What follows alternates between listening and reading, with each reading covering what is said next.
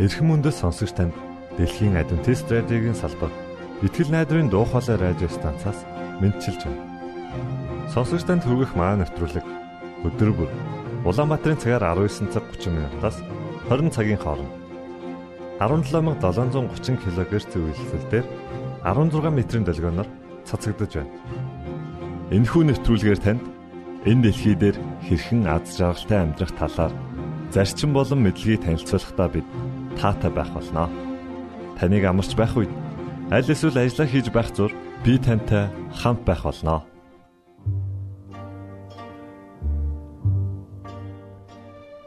Энэ өдөр бол Бурхны бидэнд бэлэг болгон өгсөн амралтын өдөр үлээ. Иймээс би танд пастор Нэмсүрэнгийн номлосон сургаал номлыг хүргэх гэж байна. Та үүнээс өөрт хэрэгцээтэй амьдралын чухал зарчмуудыг олно гэдэгт би итгэлтэй байна.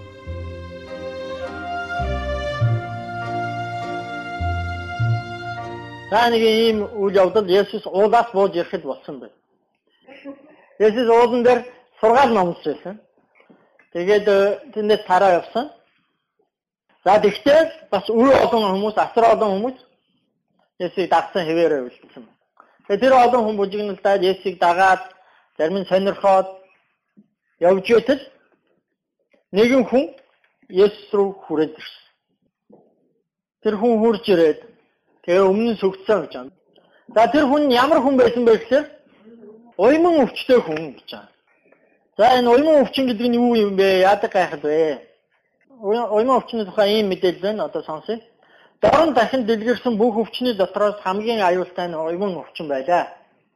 Эмчлэгдэшгүй, халдвартай бөгөөд аюул дуршигыг дагууртай уршигын дагууртай энэ өвчнөөс хамгийн зоригтой хүмүүс ч айдаг байваа. Еврейчүүд энэ өвчнийг нүглүүдийн төлөөс төлөөх гисгэл гэж үзэж Бурхны ташуур гэж нэрлэдэг байв. Бүх эд эсийг гимтээдэг, эмчлэгдэггүй. Үхлийн аюултай энэ өвчнийг нүглийн шин чимээн үздэг байв. Тэр үеийн хуулиар энэ өвчин туссан хүнийг бузар гэж зарладаг байжээ. Ийм хүн үхсэнд тооцогдож түүний гар хүрсэн бүхнийг бузар гэж үздэг байлаа. Агаар хүртэл түүний амьсгалаар бохирддог. Энэ өвчний ялгүй сэжигтэй хүний хувь заяаг нь шийдэж өгөхөөр тахилчид үздэг байваа. Нэгэн туйман өвчтөй гэж зарлагдсан хүн гэрээхнээсээ тусгаарлагдаж Израилийн нийгмээс хөөгддөг ажээ. Ийм хүн гагцуу өөртөөгөө адил уйман өвчтөй хүмүүстэйгээр харьцнаа. Хуулийн шаардлага нэг хатуу. Захирагч ишил дээсч энэ хууль нэгэн адил үйлчлэнэ. Захирагч хүн энэ өвчнөр өвчлвөл захирагч ширээгээ орхиж нийгмээс тусгаарлагдах ёстой байв. Найз нөхөд төрөл төрөстөөс хол байгаа хүн ийм өвчлвөл энэ өвчний хараалыг өөрөө л үүрнэ. Ийм хүн өө гашууга зарлаж хувцаа урж хүмүүсийг өөрөөсөө холдоорой гэж дохио тэмдэг өгч орилж хашгирч явах ёстой. Ийм өвчтнийг бузар бузар хэмээн ойртуу олныг айлгаж жигшил зүүцлийг чөрүүлнэ. За энэ өвчин гэж ийм өвчин байна. Таны уншсан зүйлээс одоо чихэнд хамгийн айхтар туснууд нь ямар ямар тодорхойлолтой вэ? Бузар, өөр. Тусгаарлагч хүмүүсээс? Ямар хүмүүсээс? Ямар хүмүүсээс? Эрүүл хүмүүсээс. Бүх хүмүүсээс гэр бүлээс насаа үр хүүхдээс хамаатан саднасаа бүгдээс нь за өөр за тэгээ улсаасаа тусгаарлагч за саяны өвчний талаар өөр ямар юу одоо тодорхойлтоос нь юу чихэн чинь үлдвэ за За тий хаа яваа газар өөрийгөө бузар бузар гэж орилоо явж явах хэрэгтэй. Тэр нь хүмүүст одоо юу гэдэг бүгд заа. За за. Өө. За тэгээ тэр хүн бол уйман өвчтэй хүнээс өөр хүнтэй харилцаж уулзсан гэдэг бол ярилцсан гэдэг бол байхгүй. Эмчилдэггүй учраас тусгаарладаг байна. Эмчилдэггүй учраас бүгдээс хол байдаг. Энэ өвчин туссан бол ямар эрх ямд хин байсан нь хамаагүй бүгд л тусгаарлагдах хэрэгтэй. Ийм хэдэн зүйлс байсан. Тэгэхээр ийм хүн ийм уйман өвчтэй хүн Есүс дээр ирсэн ба. Энэ саяны одоо бид нэр ийм ойлголтыг авчлаа. Энэ хүн Есүс дээр ирлээ гэдэг бол энэ нэг хоёрхан үг бол тийм Есүс дээр ирлээ. Энэ гурван үг бол энэ хүний ямар их зориг, ямар зүрх, шийдвэр, бэрхшээл туулж ирснийг нь анзаахад тусалж. Хүн болгон энэ хүнийг хараад шууд ойрлсон. Ерөөсөө ямар ч юу лээ хөөрхөдөө гэж бодох юм юу ч байхгүйгээр шууд ойрлсон. Юу ч ойрлох вэ? Удлар удлар гэж шууд ойрлоод зай гэж хөн. Хэрвээ явахгүй бүгд чулуудаа чулуугаа шийдсэн. Тэр энэ хүн Есүс дээр ирээд гэдэг бол зүгээр нэг гурван өгүүлбэр бидний нүд ингээд гүгээд өнгөрч байгаа бол энэ хүний хувьд бол асар их зориг байхгүй. Асар их бэрхшээл. Энэ өвчнийг тусахлаар хамгийн хэцүү зүйл юу вэ гэхээр хүн, бусад хүн. Тэр хүн рүү ойртож болохгүй. Тэр бусад хүн өөрөх нь хүсэж байгаа хүн хоёрын хооронд маш том хан усгаж тавьж байгаа тийм ээ. Тусгаарлалт бий болгож байгаа. Тэгээд энэ хүн Есүс дээр ирээд гэдгийг бид нар сайн харлаа. Тэгвэл одоо дараа нь ирчээд яасан бэ гэхээр сүгдсэн баг. Сүгдсэн. Тэгвэл энэ хүн үг хэлээд Есүстэй уулзлаа, танилцаад хэлхээсээ өмнөх үйлдэл нь юу гэж хэлэгдсэн бэ гэхээр ирээд сөхрлөө гэсэн. Сүгдлөө. Би сайн мэдэхгүй байна та бүгд юу гэж бодож байгаа. Би бол энэ хүн ерөөсөө өөрөө уг хүнээс шалтгаалаад Есүсийг хинбэ гэдгээр шалтгаалаад энэ үйлдэлийг хийсэн байна. Түүнээс биш өвчтөөгөөсөө болоод тэр өвчнөөсөө болоод үнэхээр хүн болгоны өмнө сүхэрж ундаг болчоод хүн болгоноос гуйдаг гуйдаг болчоод энэ хүний сүхрэн гэдэг айгүй амархан зүйл. Хүн харангуут л сүхрээд унцдаг болчоод сүхэрсэн гэж би бол бодохгүй. Яагаад гэвэл энэ сүгдлөө гэдгийг хэлхээс өмнө юу гэж хэлсэн бэ гэхээр уйман өвчтэй хүнийг Есүс дээр ирээд гэж хэлсэн учраас. Миний бодлоор ийм зориг гаргасан хүн ийм одоо тэр бүх хүмүүс өөр олон хүмүүс Есүстэй явж ирсэн шүү дээ. Тэр олон хүмүүс өөрийг нь улаан цан чулуудна гэдгийг мэдж байгаа тэрнээ ингээд зориг гаргаад ирсэн хүн зүгээр хэн нэгний өмнө очиод шууд сүгдөөд байдаг тийм хүн биш л байж таараа. Тэр энэ хүн бол өөрөө хинбэ гэдэг үгнээс Есүс хинбэ гэдэг үгнээс өөрийн зоригтой өөрөө юу хийж байгаагаа мэдж байгаа учраас сүгдсэн. Түүний сүгдэж байгаа нь зүгээр нэг болоод өгдөг үйлдэл биш. Бүр утга учиртай бүхэл бүтэн хил байсан. Өвүүлж байгаа зүйл байсан. Бид нар уншиж байгаа болохоор анзаарах байгаа. Яг тэгтээ үнэхээр өнөөдөр энэ бодит амьдрал дээр бол бид нар яг энэ зүйлийг анзаар. Тийм учраас Матай бас үүнийг анзаарсан. Анзаарсан учраас энэ хоёр үйлдэлийн заавал хэлсэн. Тэгээд хэлсэн үг нь ингэж юм байна. Хэлсэн үг нь юу гэж байгаа вэ? Эзэн минь. Урдаас тэр хүн төлөвлөсөн, зориг гаргасан. Юу хийхээ мэдчихсэн. Түүний хэлэх үг нь хүртэл маш их бодод тунгааж одоо яста нөгөө хэлгээр амьдралын гүн ухаанаас нь гарч ирсэн. За хамгийн үгэнд гарч ирж байгаа үг нь юу гэсэн бэ? Эзэн минь. Эзэн минь. Эзэн гэдэг үгийг бид нар айгүй их хэрэгэлдэг. Эзэн гэдэг үг Монгол одоо одоо сүүлийн үед эзэн гэдэг үгийг дандаа эзэн гэхээр хойно Чингис гэдэг үг залгадаг болчиход байна тийм ээ. Тэр нь зөв. Бид нэр эзэн гэдэг үг маш их хэрэгэлдэг. Төрснийг ирчилгэж байхгүй юу? Тэр чинь бас л нэг эзэн гэсэн утга шүү дээ. Энэ Монгол улсад та төрсөн энд одоо та бүрэн одоо эрхтэй амьдрах, амьсгалах, идэж юу тийм ээ. Бүр тэрийгээ бүр бусдаар хамгаалуулах эрхтэй эзэн хүн байгаа байхгүй. Энэ амьныхаа эзэн гэж хэлтгэж байгаа тийм. Тэр энэ эзэн гэдэг үгийг энэ хүн бол зорж ирээд бодож байгаад тунгааж байгаа тийм. Тэгээд эзэн гэдгийг зүгээр нь хэлчихээгүй эзэн минь гэсэн. Надад хамаатай. Та бол надад хамаатай. Би бол таны гэж ирсэн.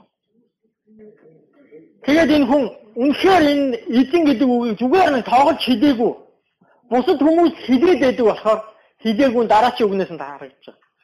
Тэрний үгээр хэрв та хүсвэл Үнэхээр эзэн юм бол эзний хүсэл миний хүслээс урд байх хэрэгтэй. Илүү байх хэрэгтэй.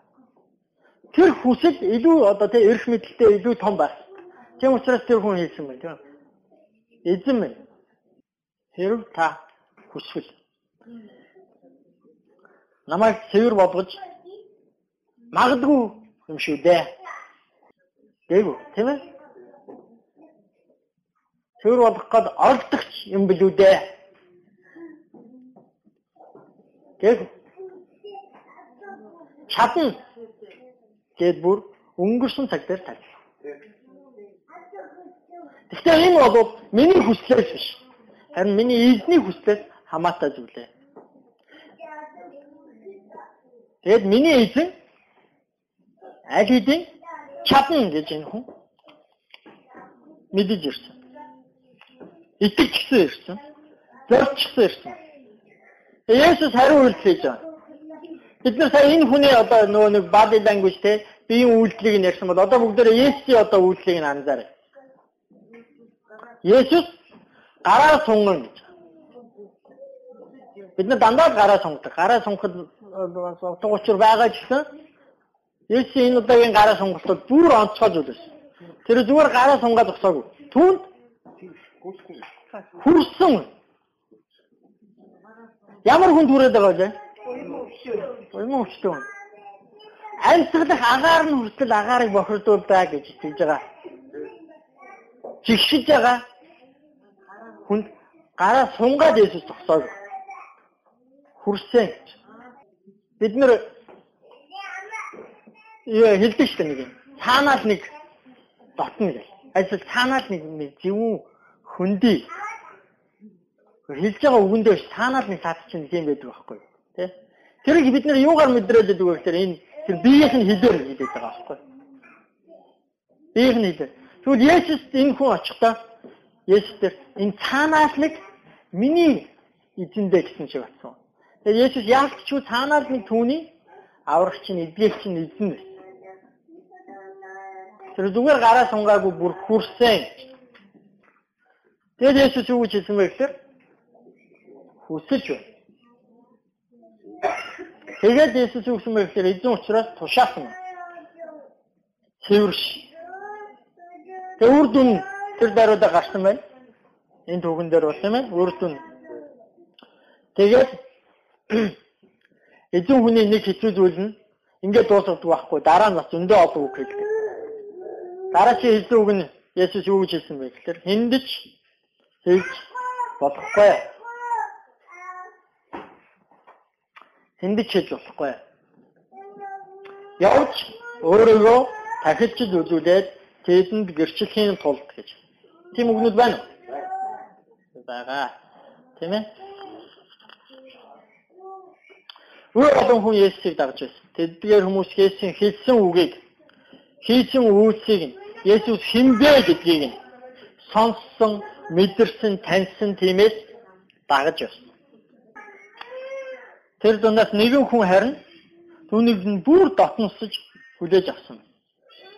Тэгээд тэр хүний Есүстэй харилцаа харилцааг хараад ахлаар тэр харилцаагаа бүр нэг илэрхийлж чадаад хариуд нь Есүс ч гэсэн тэр хүнтэй бүр харилцаад бүр илэрхийлээд. Тэгээ би нэг түүхийг уншиж байхдаа энэ хэдэн үйл өнгөд яалтчгүй миний ингээд дотор орж ирээд би бичиж тэмдэглэж авсан байхгүй.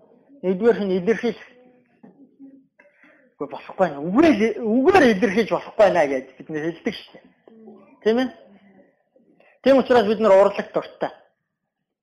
Тийм учраас бид нар дуун дуртай, зургийн дуртай, шүлэг яруу найр дуртай. Яагаад гэвэл юм илэрхийлэн гэдэг чинь үнэндээ айгүй хэцүү байхгүй. Өөрөө яг тэр бүрэн гүйц утгаар нь илэрхийлнэ. Энэ хүн бол чадсан шиг байна. Хэлэх гэж байна. Тийм үү? Хэлэх гэж байна. Хэлнэ гэдэг бас нэг том үйлдэл шүү. Зарим хүн байнга юм ярьдаг хэрнээ юу ч хэлдэггүй. Зарим хүн цөөхөн хэлхэн үг хэлж байгаа үг өгүүлэх хэрнээ маш том юм хэлдэг. Тийм юм байж болох уу? Болно. Хэлнэ гэдэг бас их том үйлдэл. Илэрхийлэх, хийх бас дараагийн нэг зүйл нь хүсэх. Хүн өстэй төмөн юм хүсэж байгаа шүү. Энэ алдан чинээ биеийн дотор чи адуу мал зал юм юм багтдаг гэдэг үг байгаа шүү. Төмөн юм хүсэж байгаа тэр дундаас сонгож хэлнэ, илэрхийлнэ. Хүсэх. Тэгээ ойлгох. Хин хиний захиргаанд, хин хиний эрх мэдэл, хин юу чаддаг, хин яаж явах ёстой, юу хүртэх ёстой, юу ич хүртэх ёстой. Тэрийг ойлгох. Тэгэд итгэх вэ? Итгэх гэж бас нэг үйлдэл байна уу? Энэ хүний түүхийг энэ хүнд Есүстэй учирсныг харахаар илэрхийлэх, хийх, хүсэх, ойлгох, итгэх гэсэн зүйл байна. Тэгээд дагах гэж юм байна. Дагах гэдэг үг. Нэгэн тэл би энэ хүн ингэж бодсон юм шүү. Энэ хүн. Нэгэн тэл би Есүс дээр эзэн ингэж хүрээд ирсэн юм бол дагах л ёстой гэж мэдчихсэн юм шүү. Тэгээд батлах, бусдаар хүлээн зөвшөөрөх нэг юм зүйл байна. Энэ э, сүүлийн хоёр үгийг хаанаас гараад ирвэ? Тэгэхээр Есүсийн хэлсэн заавар дотроос гарч ирж байгаа. Есүс нөгөө хүнд хэлсэн шүү дээ. Үр дүн гарсныхан дараа. Үүнийг хиндэж хийж болохгүй харин явж өөрийгөө тахилчид үзүүлээд тэдэнд гэрчлэхийн тулд Мөсөгийн тогтоосон өргөлийг өрг гэлээ. Матай номон дээр бол энэ хүний үйлдэл яг Есүсийн ингэж зааварсны дагуу энэ хүн дагсан эсхийг бичиж үлдээгээгүй ингээд дараачийн ондоо түүх залгаа явчихж байгаа. Тийм ээ? Тийм байна. Гэхдээ би бол саяны хүн нэгэнтэл илэрхийлсэн, хэлсэн, хүссэн, ойлгосон, итгэсэн юм бол багсан байхаа гэж бодож байгаа.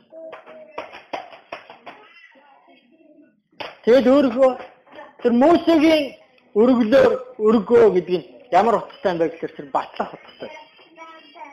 Ойнон өвчтэй хүн эдгэрч боддог. Гайхамшигар эдгэрдэг. Гэхдээ тэр хүн идэгсэн гэж өөрийгөө тунхаглаад явж болдоггүй. Тэр хүн тэр тахилч гэдэг хүмүүстээр очиод өөрийгөө шалгуулна. Бүх юмаа шалгуулна. Тэгээд нөгөө цэргийн комист үзлэгт орж байгаа юм шиг тийм ээ. Бүх юмаа шалгуулад тэгээд тэр тахилч тунхаглах хэрэгтэй. Гэрчлэх хэрэгтэй. Энэ хүн эдгэрсэн байна. Тэр тэр тахилч гэрчлэж тунхаглаж өгөх юм бол тэр хүн эргээд ах トゥ утгаа хайртай хүмүүстэйгээ үр хүүхдүүдтэйгээ эргээд очиж бол. Өөрийнхөө ард түмэнтэй нийлж бол. Тийм учраас тэр гэрчлэл, тэр тунхаглал, тэр баталгаа чухал байсан. Оо намайг Есүс эдгээд өгсөн, миний эзэн эдгээд өгсөн гэж гүгээд очил түүнийг хийж хүлээж авахгүй. Өөрөө өөрийгөө баясгалсан яваа андсан байна гэд чулуулагч аюултай.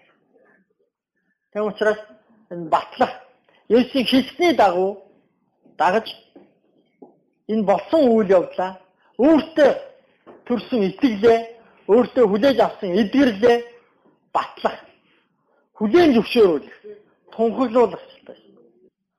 Энэ нэг богинохон түүх Библиэр бичигдсэн байна. Тэгээ энэ хүний хараад ахлаа юу хийсэн бэ? Юу хийсэн бэ? Яаж харилцсан бэ? Ямар тэ хандлага энэ хүнд байсан бэ гэдгийг харахлаа нэгч богинохон зүйл бол биш юм шиг байна.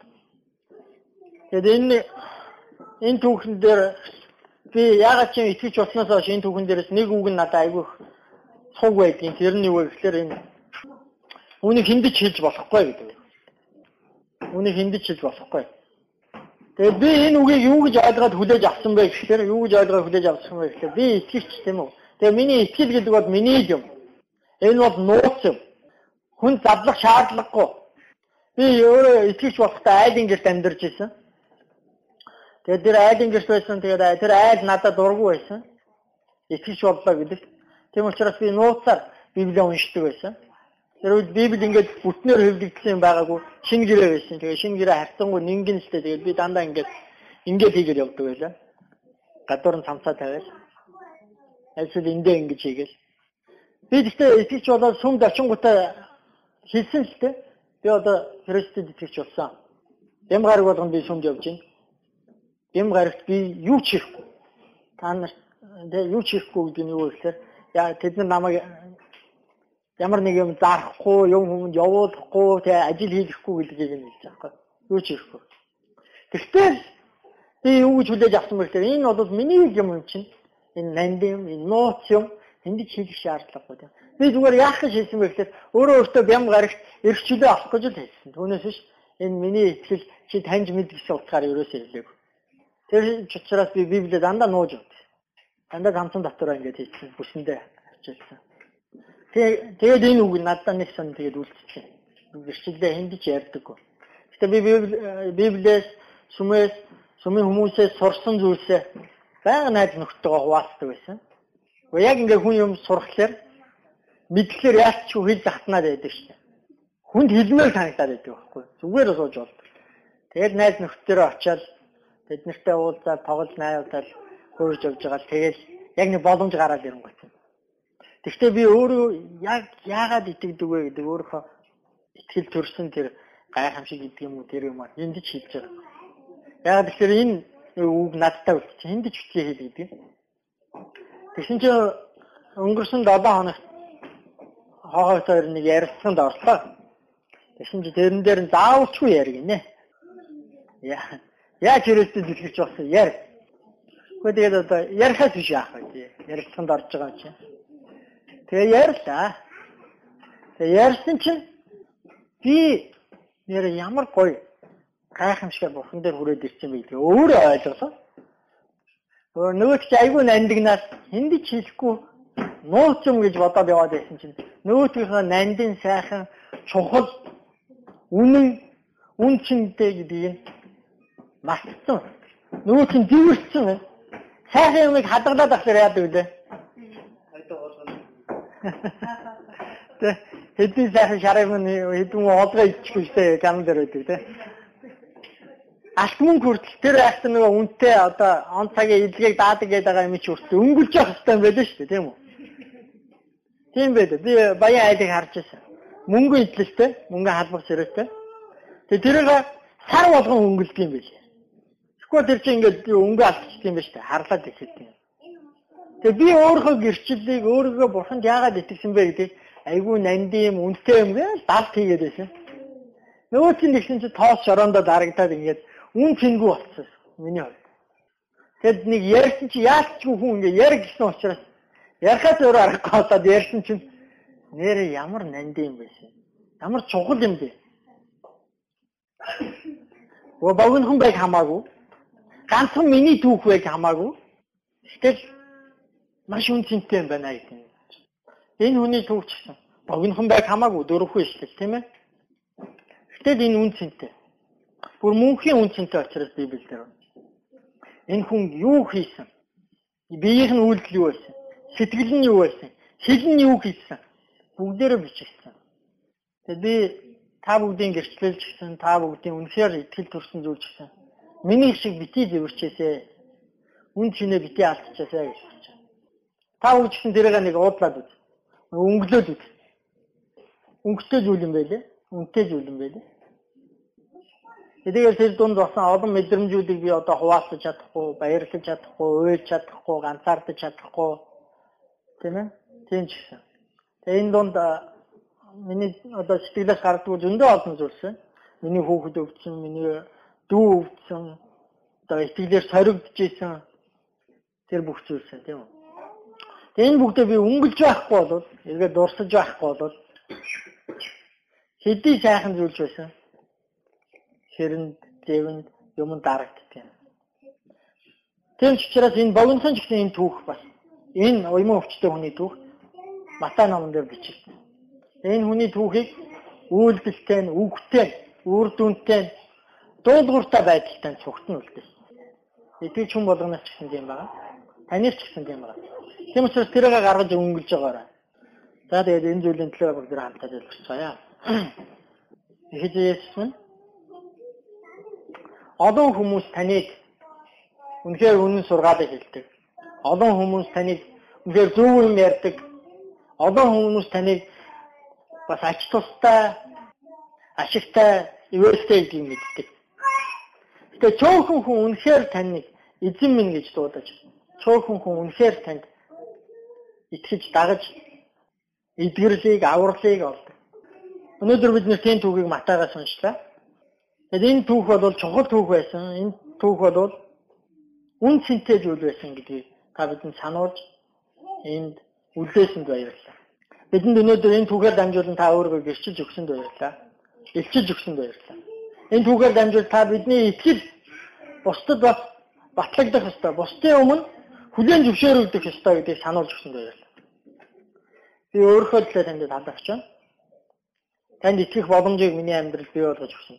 Танд итгэх замлаар та авч явсан. Таны ажилд дуудагсанд танд талархан залбирч байна.